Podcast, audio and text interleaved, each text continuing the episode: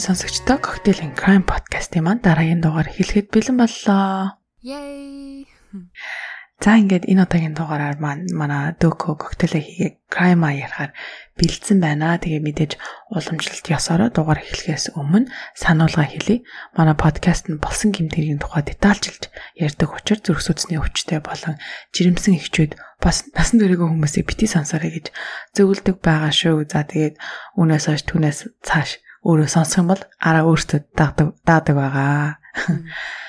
За тэгээд энэ удаагийн коктейлоор ямар коктейл хийцэн байна амар юм гоё астка мастка хийцэн байх юм.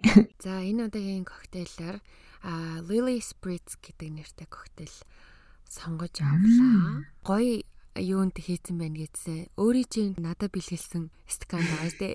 Тийм байна. Тийм. Тэгээ гоё хийжэлсэн гэсэн. Албаараа. За коктейлний үед болохоор айгуу гоё тийм хөнгөн бас тийм bubbly те хийж үсэн устай маш гоё тийм бас сэргээш болохоор коктейл хийсэн. Орц нь болохоор Lily Blanc гэдэг ликер орж байгаа. Тэгээд gin мөн лимоны шүүс тэгээ simple syrup болон хийж үсэн ус орж байгаа. Тэгээд хийхэд бол маш амархан юм байна. Яг зүгээр нөгөө сэгсрэгч энэ төр шаардлагагүй шууд аяганда Lily Blanc болон gin лимоны шүүсийг хийгээд simple syrup-тойгоо хийгээд дээрээс нь мөсөө хийж хутгаад хутгасныхаа дараа хийж усан усаа дээрээс нь нэмэл болоо. Түр түр гой sparkling яг одоо ер нь ингээл зуны коктейл руу орж ин да тий. Оо харин ойлооч гэхдээ үүлч гисэн бараг л зуны гэхээр л бас юм бобли юмнууд хийгээдсэн биз дээ. Тэр нь бобли юм дуртай хүмүүс юм биш үү? Харин тийм юм шиг байгаа. Гэтэ сүүлийн үед ер нь өөрчлөгдсөн баха тий. Сүү карантинаас хойш л ер нь бол бобли юм уу гэсэн. Гэтэ бас аа гоё шүү. Бас нэг өөр нэг юм шин бобли коктейл сурсандаа бас happy байна. Харин тийм ганц одоо ийм коктейл хийхин тулд бас Lily Blanc авах чашинтэй. Тэгэхээр энэ тэнд явж байхдаа хэрвээ энэ спритz менюн дээр байх юм бол эсвэл бартендертэй хийлээд хийгээд хийлгээд уугаад бас үзээрэй маш гоё юм биш үү. Харин тийм байна. За тэгээд манайхан ч угаасаа аль хэдийн жинд амар дуртай юм шиг байгаа. Маш олон хүмүүс коктейл хийгээд явуулахдаа дандаа жинтэй коктейлүүд явуулж исэн. Тэгээд тийм болохоор одоо аа дахиад нэг жорс сууж авлаа. Баярлалаа дөгөөдөө. Аа. Зүгээр зүгээр. За тэгээд гол хэрэгтэй орё доо. Энэ удаагаар энэ удаагийн дугаараар хэнийг ярих гад бэлдсэн байна вэ? Шууд хэрэгтэй орё. За тэгээ энэ удаагийн дугаараар нэгэн сонирхолтой болсон явдлын тухай бэлтлээ. Ийм юм болсон юм байна л да. 1935 оны 1 сарын 2-ны өглөө нилээн дээр үед байгааз 35 оны өөрийгөө Roland T. Owen гэж танилцуулсан залуу одоо Америкийн нэгдсэн улсын Missouri мужийн Kansas City хотод байрлах Hotel President гэдэг нэртэй зочид буудалд буудлахаар өрөө авдیں۔ Өөрийгөө болохоор Los Angeles хотын хүн гэж танилцуулаад Los Angeles-ийн хаяг өгсөн байдаг. Буудлын ажилчдын дүрсэлснээр бол Роланд нэг тийм цэвэрхэн хувцалсан бараан цувтай чамархан дээрээ тийм тод том сорвтой тэгээд одоо нөгөө бөхчүүчиг боовн чихтэй гэж ярьдэн штэ чихэн гимтчихсэн. Тим чихтэй тэгээд нэг 20-с 35 насны юм уу гимээр залуу байсан гэж дүрсэлдэг. Дээрэс нь тэр залуу ямар ч ачаагүй явж байгааг нь анзаарсан. Буудлын ресепшнд одоо нэр усаа хилж өрөөгөө захиалсныхаа дараа буудлын bellboy буюу одоо нөгөө зочдыг ухтаж аваад үдэж өгөөд өрөөнд нь ачааг нь хүргэж өгч мөгж үйлчлдэг нэг тийм хүн бидэн штэ тий тийм хүн түүнийг одоо өрөөрөө хүлээлгэж өгөхөөр дагуулж явдаг.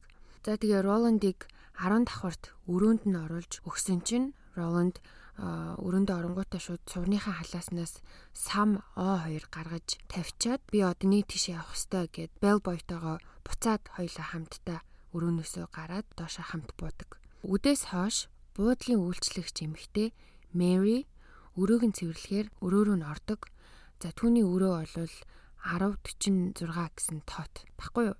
Тэгээд ер нь бол энэ хэрэг 1046 дугаар өрөө гэсэн нэрээрээ жоохон алтаршсан олонд танигдсан хэрэг байгаа. За тэгээ Мэри 1046 дугаар өрөөрөө орсон чинь Роланд одоо ингээд хамаг хөшгөө хаачихсан. Энд чинь уул нь өдрийн цаг байгаа шүү дээ. Тэгсэн чинь хамаг хөшгөө хаагаад хав харанхуй болгоод өрөөндөө нэг ганцхан жижигхэн юм бүдэгхэн гэрэл асаачихсан өрөөнийхэн буланд сууж исэн гинэ. Тэгэхээр Мэри өө яна би жоохон байж байгаа буцаад ирэх үү гэдгсэн чинь Роланд өө зүгээр зүгээр орж ирээ цэвэрлэгээ хий хий гэж хэлээд Мэри өрөөг цэвэрлж эхэлсэн. Мэри тэгээ сүулт хэлэхдээ тухайн үед тэгээ Роланд амар тийм айж түхсэн юм уу эсвэл нэг юмд маш ихээр санаа зовсон байдалтай байсан гэж хэлдэг. Мэриг цэвэрлэгээ хийгээд удаагүй байжсэн чинь Роланд э, гинт босч ирээд үсээ самнаад цуваа өмсөд гараа авцсан гинэ. Тэгээ гарахтаа хаалгаа чи битэд үгжээрээ над дээр нэг хүн ирэх ёстой шүү гэж хэлээ гарсан. Манайхан бас ойлгож байгаа бах те 30-аад он гэхэр чин тухайн үед мэдээж догийн зочид буудал шиг хаалгын хаангууд автоматар түгжигддэг карт уншуулдаг биш штэ тий. Тэгэхээр одоо нөгөө яг бидний одоо хуучин модон хаалга онгойлгодыг түлхүүрээр онгойлгож түгжиж хаадаг хаалга байсан баахгүй. Тэгээд бити түгжээрэй гэж хэлсэн юм байна. За тэгээд өдөр 4 цагийн үед Мэри буцаж ирээд угаасан шинэ алчуурнууд оруулж тавихаар өрөөнд нь орсон чинь өрөө нь бас л хав харанхуу Роланд болохоор хувцтайгаа орон дээрээ хөвтөжсэн байдалтай байсан. Мэри гарахтаа орных нь хажуугийн тавиур дээр нэг цагтл битсэн байхыг олж харсан. Тэр нь болохоор Дон би 15 минутын дараа эргээд ирнэ. Намайг хүлээж агаарай гэсэн цагтл байсан. Тэгэхээр Дон гэдэг нэртэй хүнийг хүлээж исэн байж таарж байгаа. За тэгээ маргааш өглөө нь Мэри өрөөг цэвэрлэхээр 10 цаг 30 минутын үед орсон чинь орох гэсэн чинь өрөөнд цоочтой харна Роландыг гараа явцсан юм байна гэж бодоод өөрөө түлхүүрээрээ онгойлгоо орсон чинь Роланд яг нөгөө өчигдөр анх орохт байсан шигэ хав харанхууд ганцаараа тэр буланд сууж исэн гинэ. Тэгээ энэ мэдээж Мэрид амар сонь санагцсан. Яагаад тэгэхээр одоо нөгөө гаднаас нь түгтсэн байдалтай хаалга нь байсан.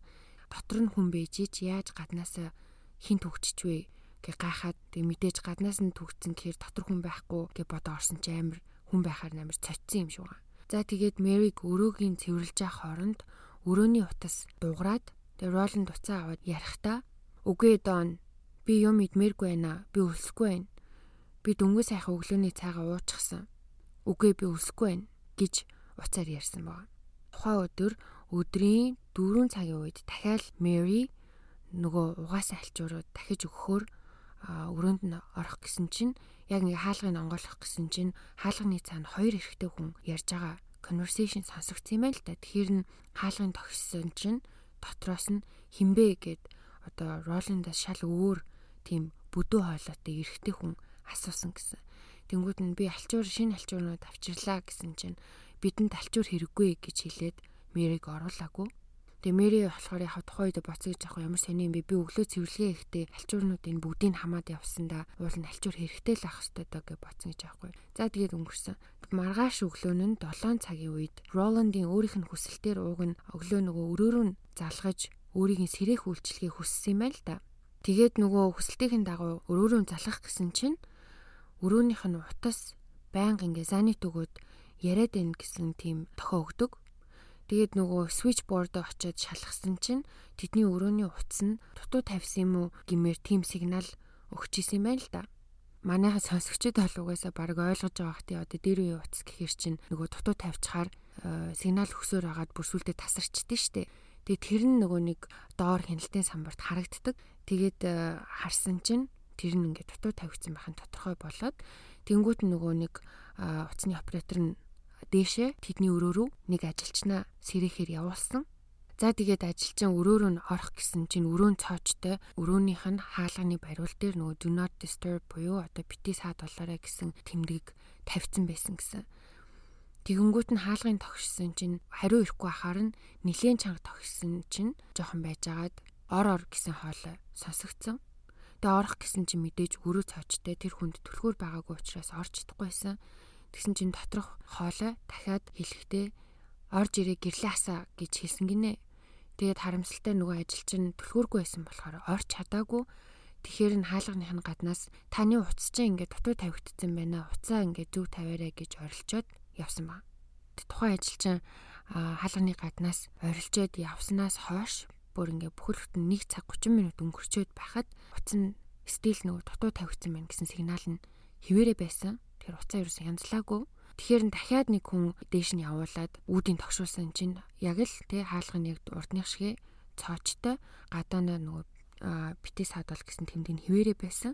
Тэгээ энэ удаа очисон ажилчтанд нь өөрт нь нөгөө мастер төлхөр байсан учраас өрөөг нь онгойлгоод орсон чинь Роланд шалдан орон дээрээ доош хараад хөвтчихсэн гинэ. Тэгээд өрөө нь ингээд тас харанхуу. Тэгээ мэдээж нөгөө хаалга онгой хорчин коридорын гэрэлний жоохон орж ирнэ тэ. Тэгээ тэр гэрэлд нь харахад Роланд нэг юм жоохон согтуу юмудаа гимээр байдалтай хөвтчихсэн. Тэгээ орон дээр хөвтөөд ингээд доош харцсан хөвтчихсэн чинь одоо гидсэн тус газар нь бараан толб болсон байхыг анзаарсан юм байна л да.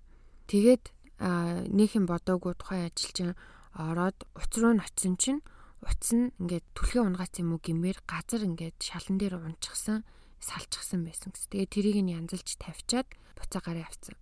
Удалгүй одоо 10 цаг 30 минутын үед ахаал нөгөө уул нуцын янталсан байсан чинь дахиад нөгөө урууны утас нь хөндөй тавигдсан байна гэсэн сигнал ирсэн.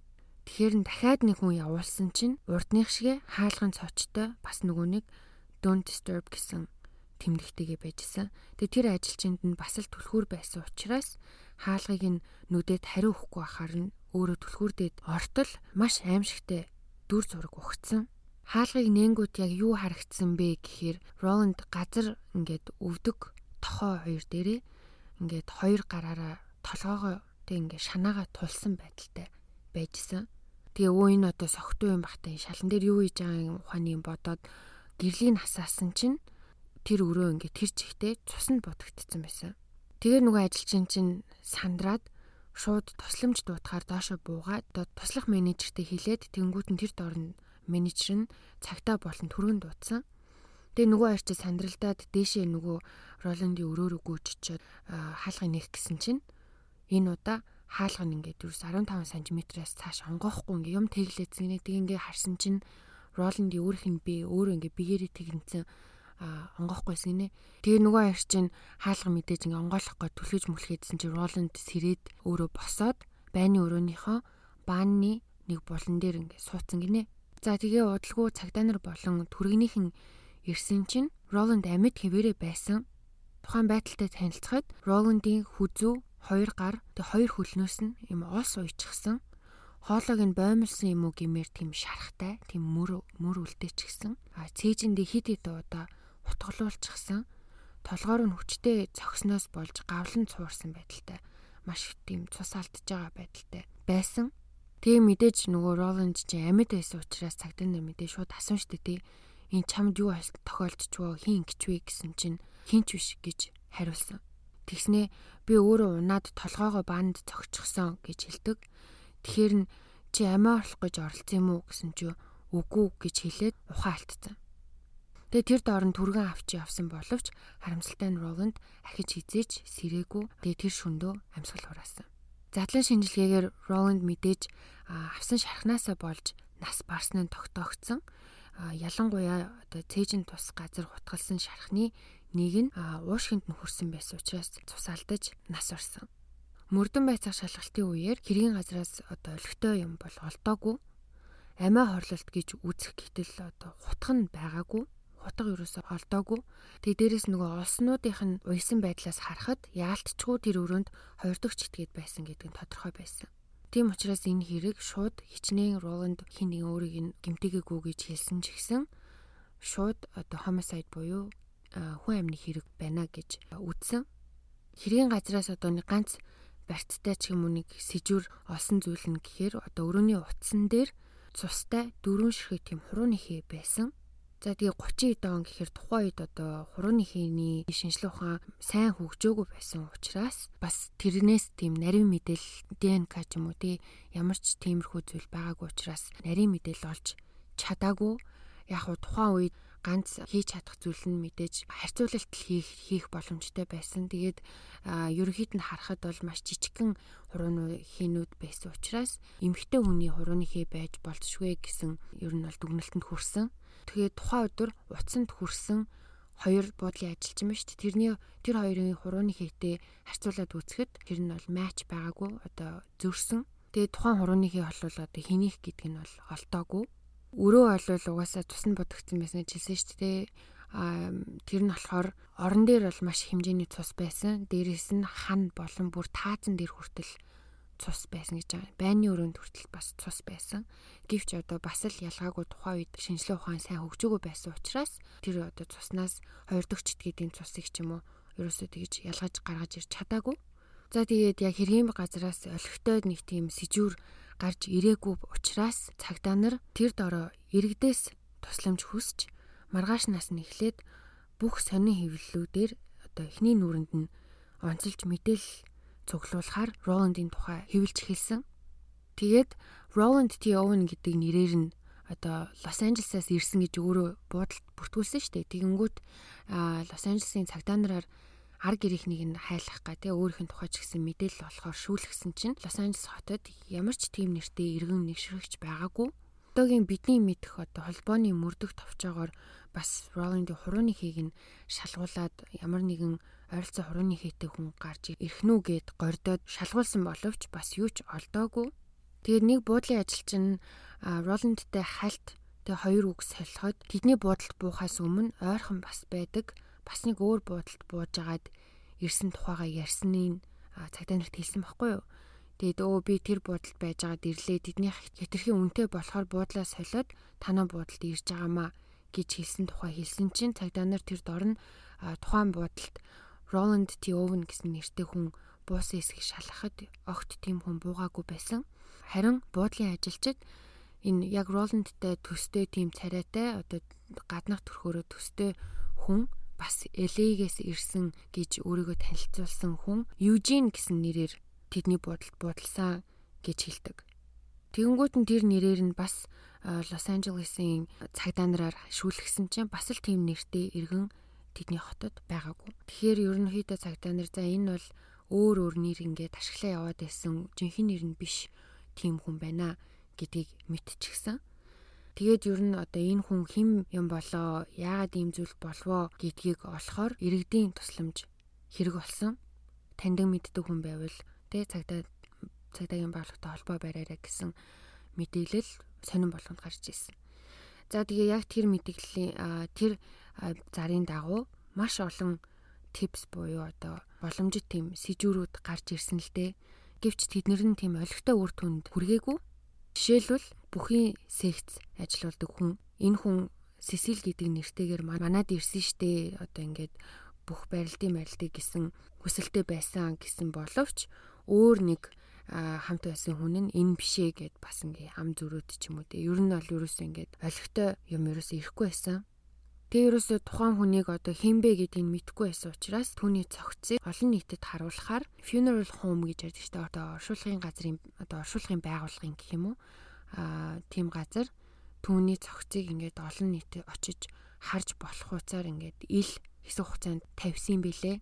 Тэгээ одоо хүссэн нь очиж хараад тэгээ таних тийм боломжтой болгож тэгээд 2 сарын турш түүний цогцос одоо олон нийтийн өмнө байсан боловч ерөөсөө тийм шийттэй те яг энэ манай тэр байна гэсэн хүн яг би таньнаа тэр гэдгээ гэсэн ямар ч тийм хүн гарч ирээгүй учраас тухайн байгууллага түүний цогцыг тэр хавьда одоо маргааш оршуулахаар боллоо гэсэн тийм зарлал олон нийтэд зарлсан чинь тухайн өдрөө тэднийх нэг дуудлага хүлээж авдаг.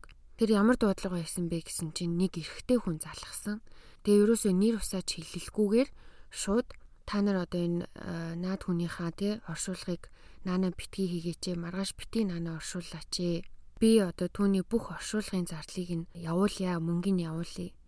Наан чинь биш харин Канзас мужийн Kansas City хотод ихчтэй нойрхон оршуулмаар байна гэдэг. Тэгэхээр мэдээж нөгөө нэг оршуулгын газрын хүн чинь гайхаад та хин бэ? Те хинэн энэ таних танд юм уу тэгээд энэ тухай бид нэр цагдаа цагдаад мэддэгдэх хэрэгтэй гэсэн чинь би угаасаа мэдж байгаа тэрэнд бол санаа зовхгүй байна гэж хэлсэн мөртлөө ерөөсөө өөрийнхөө нэр болон өөрийнхөө айдаа нарыг ерөөсөө хэлээгүй. Тэнгүүд нөгөө оршуулгын газрын хүн чинь энэ хүн яагаад үхсэн юм бэ гэж асуусан чинь нөгөөх нь энэ хүн нэг хүүхэнтэй суух гээд сүү тавьсан байсан. Тэр хугацаанд өөр хүүхэнтэй явуулсан. Тэгээ сүйд бүсгүүн тал нь өршөөгөө авахаар түүнийг алах гэж тэр буудалд буулгасан юм а гэж хэлээд уцаа тасалсан гэсэн. Тэгээ тэр залгсан хүний хүсэлтээр оршуулга нь хойшлогдоод удалгүй яг л бас хэлсэнчлэн тухайн оршуулгын газарт хинээс ирсэн мэддэхгүй нэргүй мөнгө ирсэн. За тэгээ түүний оршуулгын зардлын мөнгө очсноос гадна тэр хавьд нь байдаг хоёрч цэцгийн дэлгүүр рүү бас тэр хүн залгсан юм бэлээ. Тэгээ тухайн хоёр цэцгийн дэлгүүр рүү мөнгө явуулаад Роландын шарил дээр тавихыг хүссэн байсан. Дуудлага өгсөн хүн хэн гэдг нь мэдэгдээгүй ч гэсэн нэг цэцэг нь ил цагталтай байсан. Тэр цагтал дээр юу гэж бичсэн байсан гэхээр үүр тайртай Луис гэж бичсэн байсан. За тэгээ одоо бас л тэ Стил Роланд гэж яг хэн болох жинхэнэ нэр нь хэн болох нь тогтоогдоогүй байсан шүү дээ. Тэгээд одоо зураг нь бол стилтэй орон нутаг даяар явсаар байсан хин гэдгийг тогтоохын тулд э, хэдэн жилийн дараа Руби гэдэг эмэгтэйд нэг найз нь сонингийн нийтлэл үзүүлсэн гинэ. Хүүгийн танаа хүүчин юм биш үү гэд. Тэгээд Руби харсан чинь үнэхээр түүний хүүтэй адилхан байсан учраас Руби цагдаагийн газар руу залгадаг. Мэдээж цагдаа нар тийм тодорхой деталь бол өгөхгүй шүү дээ. Тэгсэн чи Руби өөрөө миний хүү одоо энэ чамархаа дээрээ багадаа ингээ ус халуун усанд түлэгцэн сорвтой тэрэн дээр нь ингээд үсэн нуурхаа болсон учраас сорив нь маш тод байдгаа гэдгийг хэлээд а дээрээс нь бас хид хідэн өөр таних тэмдэг хэлсэн учраас цагдаа нар үнэхээр мөн байна гэж үзсэн учраас албан ёсоор цогцыг 17 настай Artemis Ogletree гэдэг нэртэй хүү болохыг тогтоосон. Тэгээ Ruby болохоор миний хүү 34 онд Калифорни руу яваад тэрнээс хойш ингээд ер нь бол алга болсон гэж хэлдэг. А гэхдээ 34 онд явж явснаас хойш эргэж ирээгүй ч гэсэн захиа бол ээжд нь ирсээр исэн гэж аахгүй юу. За. Тэгээ тухайн захианууд бол тооцоод үзэхээр хүүг нас барснаас хойш хүртэл ирсээр исэн. Тийм учраас энэ хэрэг одоо одоо ээж нь гарч ирснээр уул нь ингээд юм шийдэгдчихлээ гэж бодсон чи илүү их асуултууд гарч ирсэн. Илүү их одоо маргаантай болсон гэх юм уу. Тэгээд яасан гэхээр 1935 оны ихэр Чикагогоос хаягалсан захиа ээж нь авсан хүүгээсээ би одоо энд явж гинэ гэсэн те. А тэгээд 1935 оны 5 сард гэдэг чи одоо бүү бол ууг нь 35 оны 1 сард нас орсон дээ. Тэгтэл 35 оны 5 сард би Европ руу явж гинэ гэсэн Нью-Йоркоос хаягалсан тийм хоёр ч захиа ээж нь авсан. Тэгээ 35 оны 8 сард нь болохоор намайг тэр гэдгээ тэгээ Артемисын би найз нагаамаа миний амиг аварсан танаа хүү те. Тэгээд танд ингээд хүү чинь Египт улсын Кайро хотод амьдарч байгаа гэж хэл дуулгаарай гэж надад загсан учраас би тань руу ингээд ярьж байна. Танаа хүү чинь одоо Египтэд маш баян эмгтээтэй гэрлээд маш сайхан амьдарч байгаа. Тэгээ танд ингээд хэл хүргээрэй гэж гуйсан юм а гэсэн дуудлага авдаг. Тэгээд яагаад надаар яриулж ийн гэхээр одоо танаа хүү чинь барыг тань руу одоо ингээд захиа бичих боломжгүй болсон. Яагаад тэгэхээр хоёр эрхийн урууга тулааны үеэр алдсан. Тийм учраас тань руу ерөөсөө захиа бичиж чадахгүй байгаамаа гэсэн ямар сонир тайлбар хэлсэн. Тэгэд уул нь бол ээж нь одоо тухайн залуутай бараг 30 минут шахуу уцаар ярьсан. Яалтчгүй тэр залуу Артемусыг сайн мэдчихсэн хүн байж байсан учраас ээж нь бол тэгсэн байгаа. Цагдаа нар бол дараа нь хэлэхдээ хэрвээ Артемус үнэхээр Египт рүү явсан бол ерөөс өөрийнхөө нэрээр бол яваагүй гэдэг нь тодорхой яагаад тэгэхээр Артемус гэдэг нэртэй хүн одоо Египт рүү явсан тухай ямар ч бүртгэл энэ тэнд байгаагүй гэж хэлээ.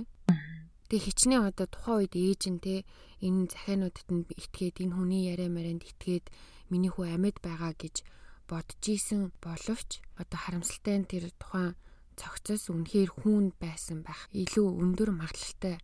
За тэгээд цогцыг одоо хичнээн те одоо Артемус байх боломжтой одоо баг 90% нь те энэ хүн Артемус юм байна гэж мэдсэн ч гэсэндэ хин энэ хэргийг үлдсэн тухай ямар ч сэжвэр гарч ирээгүй. Харамсалтай нь мэдээж яг нөгөө хэрэгүүд яадаг үлээ те нэг ганц 2 жил болоод бараг жилч хүрээгүй хахад нөгөө өөр том том хэрэг гарч ирээл одоо цагдаа нар хүчээ одоо тухайн хэрэг дээр ажиллах хүчин саарамгччихдээ штэ. Тэгээд ер нь бол энэ хэрэг ингээ cold болж эхэлсэн. Буудал тахтаа нэг дон гэл нэг нэр гарч ирээдсэн штэ уцаарч яриад цагтэлж бичээл. Тэгэл тэр хүн бас одоо хин бол гэд хайхаар ерөөсөө ямар ч сэжвэр гарч ирэхгүй.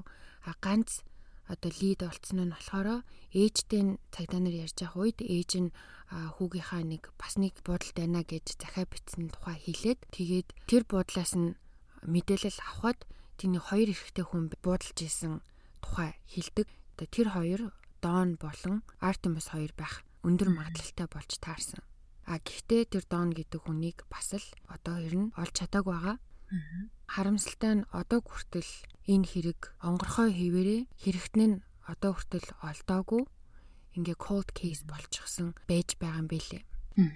Тэгээ яагаад энэ хэрэг одоо одоо хүртэл ингээд тэ хүмүүс яриад подкастууд энэ төр хүртэл хийгээд ингээд байна. Одоо хүртэл яагаад ингээ амьд амьд байгаад байна гэхээр маш mysterious тэ амир тийм ийм маш учир битүүлэг. Өөрөө ингээд улаан цайн хүнд ингээд алуулцсан амь тэмцээ тусаалтай байж иж цагтаа нар ирээ чамаа хийн гэж вэ гэсэн чинь хинч биш гэд. Би өөрөө унц юм а гэж хэлж илээдэг тэгэнгүүт одоо тэр Дон гэдэг хүн нь олдохгүй байснаа дахиад нэг буудалд хоёлоо байсан гэхээр ижил хүстэн чим шиг гэж бас нэг тийм theory байгаа хгүй юу. Тэгээ тэр одоо тэр сүд бүсгүүн талаар болон тэр явуулсан хүүхнийхэн талаар ямар ч мэдээлэл байхгүй бас л зүгээр юм таамаг төдий цуу яриа төдий. Тэгээ тэр уцаар ярьсан хүн нь дандаа payphone гэж ярьдэн штэ түл гадаа байдаг төлбөрт утаснаас ярьсан учраас бас хэн залгасан гэдгийг мэдэхгүй. Ягаад тэр хүн энэ хүний оршуулгын зардлын төлөх болов? Тэгээд тэгсэн чинь Kansas City-д ихчтэй нь ойрхон оршуулна гэж хэлсэн боловч одоо тэнд бас ихч нь оршуулах зүг нь бас тодорхойгүй Тэ цагдаа нар бол мэдээж ээжээс нь асуусан л байх. Тэгэхдээ энэ энэ тухай болохоор одоо юу гэдэг олон нийтэд бол ерөөсөө мэдээлэл бол гарч ирээгүй. Тэр нь одоо үн ч юм уу худлаа ч юм уу.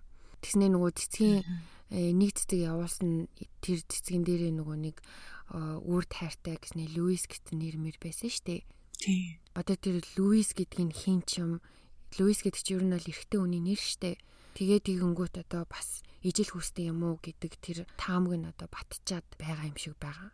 Тэгээ одоо мэдхгүй хин төр хүнийг тийм богино хугацаанд те амар тийм цэвэрхэн одоо өрөөн тэгж тэр чигтээ тусна бодогдсон бахад тэр хүн өөрөө баригдахгүй ингээд гараа авчуу. Тэр яаж ил нөгөө байн байн цочт бодлын хүмүүс чинь уцыг очиж явах гад байн байн ирээд хахад те яг хаагуурын зөрчүү. Гэл ер нь их маш их юм олон хариултаасаа илүү маш их олон асуулт байгаа учраас одоо хүртэл хүмүүс ингээд ам дамжиж ярддаг хэрэгүүдийг нэг л юм байна л та. Тэгээд нөгөө нэг одоо сүнсний араас одоо сүнс ghost hunters гэж ярьдаг штэ. Одоо сүнстэй газар мазар очиж мочоо сүнс мүнсийн дууддаг хүмүүс эдэг штэ. Тим хүмүүс бас энэ буудлын яг энэ өрөөнд очиж айгүйх энэ сүнс мүнсийн дуудаж ярьж марих гэж оролддог юм байна л та. Одоо байсан юм байна л та. Одоо бол тухайн буудал шал өөр барилга болчихсон юм бэлээ одоо солигдоогүй тэр хотел хിവэрэ байхад хүмүүс айгүй их очиж тэгээ сүнс хүмүүсийн дууддаг байсан гэсэн. Тэгээ ягаад ч юм маш олонний анхаарлыг татсан, маш олон хүмүүсийн ярианы бай болсон нэг юм хэрэг байгаа. Тэгээ деталь нь бас нэх их биш ч гэсэндээ а байгаа деталууд нэг юм сонин хоорондоо бас авцалтаагүй нэг юм ядаргаатай гэх юм уу. Бүр ботхоос ч толгой өдмөр юм ядаргаатай хэрэг байсан. Тэгээд жоохон сонирхолтой санагдаад ойр нэг юм иймэрхүү хэрэг яраагүй учраас сонирхолыг гээд ярьлаа гэхгүй. Харин наач бүр яа бүр би бүр ингээ хөмсгөө сангидсан бүр ингээ ботцсон суучих надад чаа. Ямар амар юм онцох шиг учир битүүлэг хэргийн тухай ярьчваа. Тэгэд энэ минийгаа эртгэн шиг хэлэхэд яа ийм хөр дугаарт оргоо гэдгийг мэдчихэж байгаа. Яади яади гэхгүй. Тэгээ бүр амар сонирхолтой хэрэг байна тий наачаа. Тэгээд одоо яг ингээд сонсоо сууж байгаад бол хамгийн түрүүнд орж ирсэн юм аа. Oh my gosh яг энэ болсон бүх зүйл яг одоогийн шинжлэх ухаан байсан бол бүр ямар хурдан шийдэгдэх болоо тий ямар бас юм илүү олон одоо за нэг биш нилээ хэдэн хүн холбоотой байсан бол тэр бүгдийг нь гаргаж ирээд бүр нэг амар юм сенсацтай хэрэг болох байсан байна да гэж бодоо суужила. Аа. Тэгээ хамгийн гол нь хохирогч яагаад тий алуурчнаа өмөрөөд байгаа гэдг нь бас их сонир санагдаад байгаа байхгүй юу? Тэгээд одоо үхээс үхээ оронд одоо өөрийг нь сүрдүүлсэн байлаа гэхэд одоо ингээл угаасаа үхээ оронд тэрнээс айгаад хэлэхгүй байх гэхээр одоо энэ бас нэг сонин санагдах юм. Нөгөө хүнээ хамгаалаад байна гэхээр одоо бас нэлээд ойр дотны хүн юм шиг айгуу сонин. Аа. Гэ мэдгүй яг таньдаг хүн нь өөрийг нь хөнөөгөөд бас одоо сүрдүүлсэн ч юм уу өөрийнх нь гэр бүл тэ хааштай хүмүүсийг нь одоо өөршөгч болгон шүү гэсэн чинь билүү бас Аа. Бас нэг талаас нь бодоход эндээ юу итгэсэн залуу гэлээ оо юу хийдэг байсан энэ төр нь ямар ч тодорхойгүй тийм мэдээлэл байхгүй. Хамгийн гол нь 17 настай жоох хүүхдээсэн байгаа байхгүй юу? Аа. Сонирхолтой. ямар нэг тийм хэрэгтэй хөвгт холбогдсон байсан юм болов. Тийм бас нэг э, таамаглал theory байдаг нь одоо тэр Дон гэдэг хүн нь мафийн толгойлогч тэгээ маф завтай холбоотой байсан байсан гэж бас таамагладаг. Бас байж болохын тэгээ тухайн үед ч угаасаа ер нь бол маф тэг ийм хөгийн тэрэг бол нилээн а юу гэсэн штэ? Өргөн байсан гэх юм уу? Хайшин одоо а наач бүрстэй төрөл төрлийн таамал гарч ирэх юм. Үнэхээр сонирхолтой хэрэг байна. Тэгээ бас аа ээж нь нас орсныхан дараа ээж нь бас ингээд захаа бичээд явуулаад байна гэдэг. Бас амар тийм юу гэх юм дээ аа хэрвээ зүгээр нэг юм алуурчин байсан бол тэгээл ээж юм ингээд захаа бичээд яваад авахгүй штэ. Тэгэхээр ямар ч байсан ингээд таньдаг, таних танихтай бүр юм дотны гэр бүлийг мэддэг ч юм уу өөрийнх нь тухайн ингээм амьдралыг мэддэг хүн байсан юм шиг амар санагдчихээн. Аа. Харин ямар санд ээж нь тэр хүнтэй 30 минут уцаар ярьчаад юу үнэхээр манай хүүхдийг таньдаг хүн байна гэж ботсон байгаа хгүй. Тэгээд одоо юу гэдэг ээжийнх нь мэдхгүй ямар зорилгоор одоо загтал биччихсэн нь мэдхгүй л дээ. Гэхдээ ээжийнх нь одоо сэтгэл санааг тавин тэг хүүхд нь 90 сар бол байгаа гэдгийг мэддэгдүүлэх гээд ч юм уу бичээд яриад те танаа хүү чинь ингээд 9 минут Египт рүү явцсан шүү гэд хэлээд байна гэхээр нэг бодлын одоо ээжийнхээ сэтгэл зүг 50 байх гад нэг бодлын одоо care хийгээд байгаа юм шиг те халамж үзүүлээд байгаа юм шиг нөгөө бодлын төөрөгдүүлэх гэсэн юм шиг сонин тэгэхээр одоо нэг ямар ч ийсэн таньдаг дотны хүн нь байсан юм шиг санагдаад байгаа юм да. Тийм байна. Тэгээ энэ хэрэг бас одоо шинжлэх ухаан хөгжсөн. Тэгээ ер нь бол хэдэн жилийн дараа ч гэсэн маш олон жилийн дараа ч гэсэн хэрэгүүд ингээ илэрч байгаа штэ. Тэгээ ингээд онгорхоо бол яг нөгөө цаг хугацааны л асуудал юм да тий. Хизээ нэгэн цагт бас өөр нэгэн хүнээс одоо юу хий одоо нотлох баримтанд юу юм дэ энэ хэргийн тухай холбоотой ямарваа нэгэн зүйл гарч ирэхийг бол үгүйсэхгүй. Аа. Тэгээ бас 2004 онд гэсэн баха 3 онд ч гэсэн билүү Канзас хотод нас орсон хүний одоо тэр хүнтэй холбогдлолтой эд зүйлсийг а одоо нөгөө янзалж зэгцэлж яхад ийм боксын дотроос битүү энэ хэргийн тухай юм сонингийн ажилбарууд гарч ирсэн гэсэн. 2003 он гэдэг чинь бас саяхнын цаашийн гэхдээ бас л одоо 2000 он гарсан гэхээр бас нэлээд сүлдээ тэр хэрэг гарснаас бол далаад одоо жилийн дараа гэхээр чинь тийм гарч ирсэн байсан. Тэгээд энэ хүн одоо энэ хэрэгтэй яагаад ийм обсессд байсан? Яагаад энэ хайчилбарыг цуглуулсан бол гэсэн бас нэг тийм хальт хөөгдсөн юм бэлээ тэгээд мэдхгүй ямар одоогор бол нэг тийм холбоос үл би гаргаж ирээгүй. Зүгээр нэг тийм юм болсон гэд нэг тийм юм бичсэн байсан сонирхолтой юм тий тий тэгэл иймэрхүү байдлаар бас гарч ирэх юм бол боломжтой байгаа байхгүй юу наа ч мөрдөө амар онцгой шиг сонирхолтой хэрэг байна ойр түр ийм хэрэг яриаггүй бүр нэг юм онцлог тайлж байгаа юм шиг өмсгөө зангидсан бүр ботцсон юу юм бол яас юм бол ботцсон сууж байна. Манай сонсогч нар ч гэсэндээ бас яг надтай адилхан сууж байгаа хаа. Аа. Үнэхээр сонирхолтой хэрэг байлаа. Тэгээ ер нь бол битэрийн ингээ өмнөх хэрэгүүдийг сонсохоор одоо юу хийндээ жоохон инглээ нэг сургамжтай ч юм шиг нэг тиймэрхүү байдаг. А гэхдээ анзаараад хэлсэн чинь манай дөөкөө нэг хаяада нэг юм mystery тий онцох шиг учир битүүлэг хэрэгүүдийг ер нь бол гаргаж ирдэг манайхан ч гэсэн мэдж байгаа. Тэгээд энэ удаагийн дугаар бас урам хугалсангүй үнэхээр толгой эргүүллээ. 9 шидийн бодууллаа. Тэгээ манай сонсогч нар бас таалагдсан гэхэд бол би 100% итгэлтэй байна. Тэгээ өөрсдийнхөө санаа оноо юу гэж бодож ин тэрнийхээ тухай комент хэсэгт бичээрэй гэж уриалмаар байна. Хоорондоо ярилцъя. Тэг ингээд яг иймэрхүү хэрэгмийн тухай ярихаар ингээд сонсогчдоос бас амар шаал өөр юм өнцгүүд гарч ирдэг тий. Амар тийм сонирхолтой. Хараагүй юмнууд харсан тий. Аа. Харин тийм болохоор манайхан хоорондоо сайхан ярилццгаая. Аа тэгээд маш сонирхолтой дугаарыг бэлдсэн докодо баярлаа. Гоё коктейл хийж өглөө. Гоё дугаар ярьж өглөө. Сүүлийн дугаарууд дээр ярьсанчлан super thanks явуулж байгаа сонсогч нартаа маш их баярлаа. Амар хөөрхөн сэтгэлээрээ юм аа тийг ингээд харахаар ингээд бүр ингээд хайр хүрээд бүр ингээд урам зориг ороод ах юм аа гэт. Баярлаа. Тэгээд а энэ дугаар хэрвээ тань таалагдсан болол а сонсож байгаа платформ дээрээ а юугээрээ рейтингс өгөөрэй 5 одоо өгнө үү одоо өгнө 5-аас доош од өгөхийг ботол бити өг гэсэн юм дугаартай. Гэхдээ аа тэгээд YouTube дээр комент бичээ subscribe хийгээд лайка дараарай гэж хүсмээр байна. Тэгээд аа бас дээрээс нь сануулгаад аа бид хоёр сая сая сүүлийн хэдэн сүүлийн 2 3 дугаар дээр хэлжсэн шинэ Instagram нээсэн байгаа шүү. Манайхан ороод дагаарай. Cocktail and Crime гэд шинээр нээсэн байгаа. За тэгээд а энэ дугаарыг дуустал сонсон хүн чинь хэн байдаг лээд өгөө. MVP MVP хаяа хаяа мартаад загнуулаад байгаа юм аянуудад марцсангүйгээр та санаж агаад хэллээ. Тэгээ та бүхэндээ маш их баярлалаа. Дараа дараагийнхаа дугаараараа дахин уулзлаа. Түр баяртай. Bye.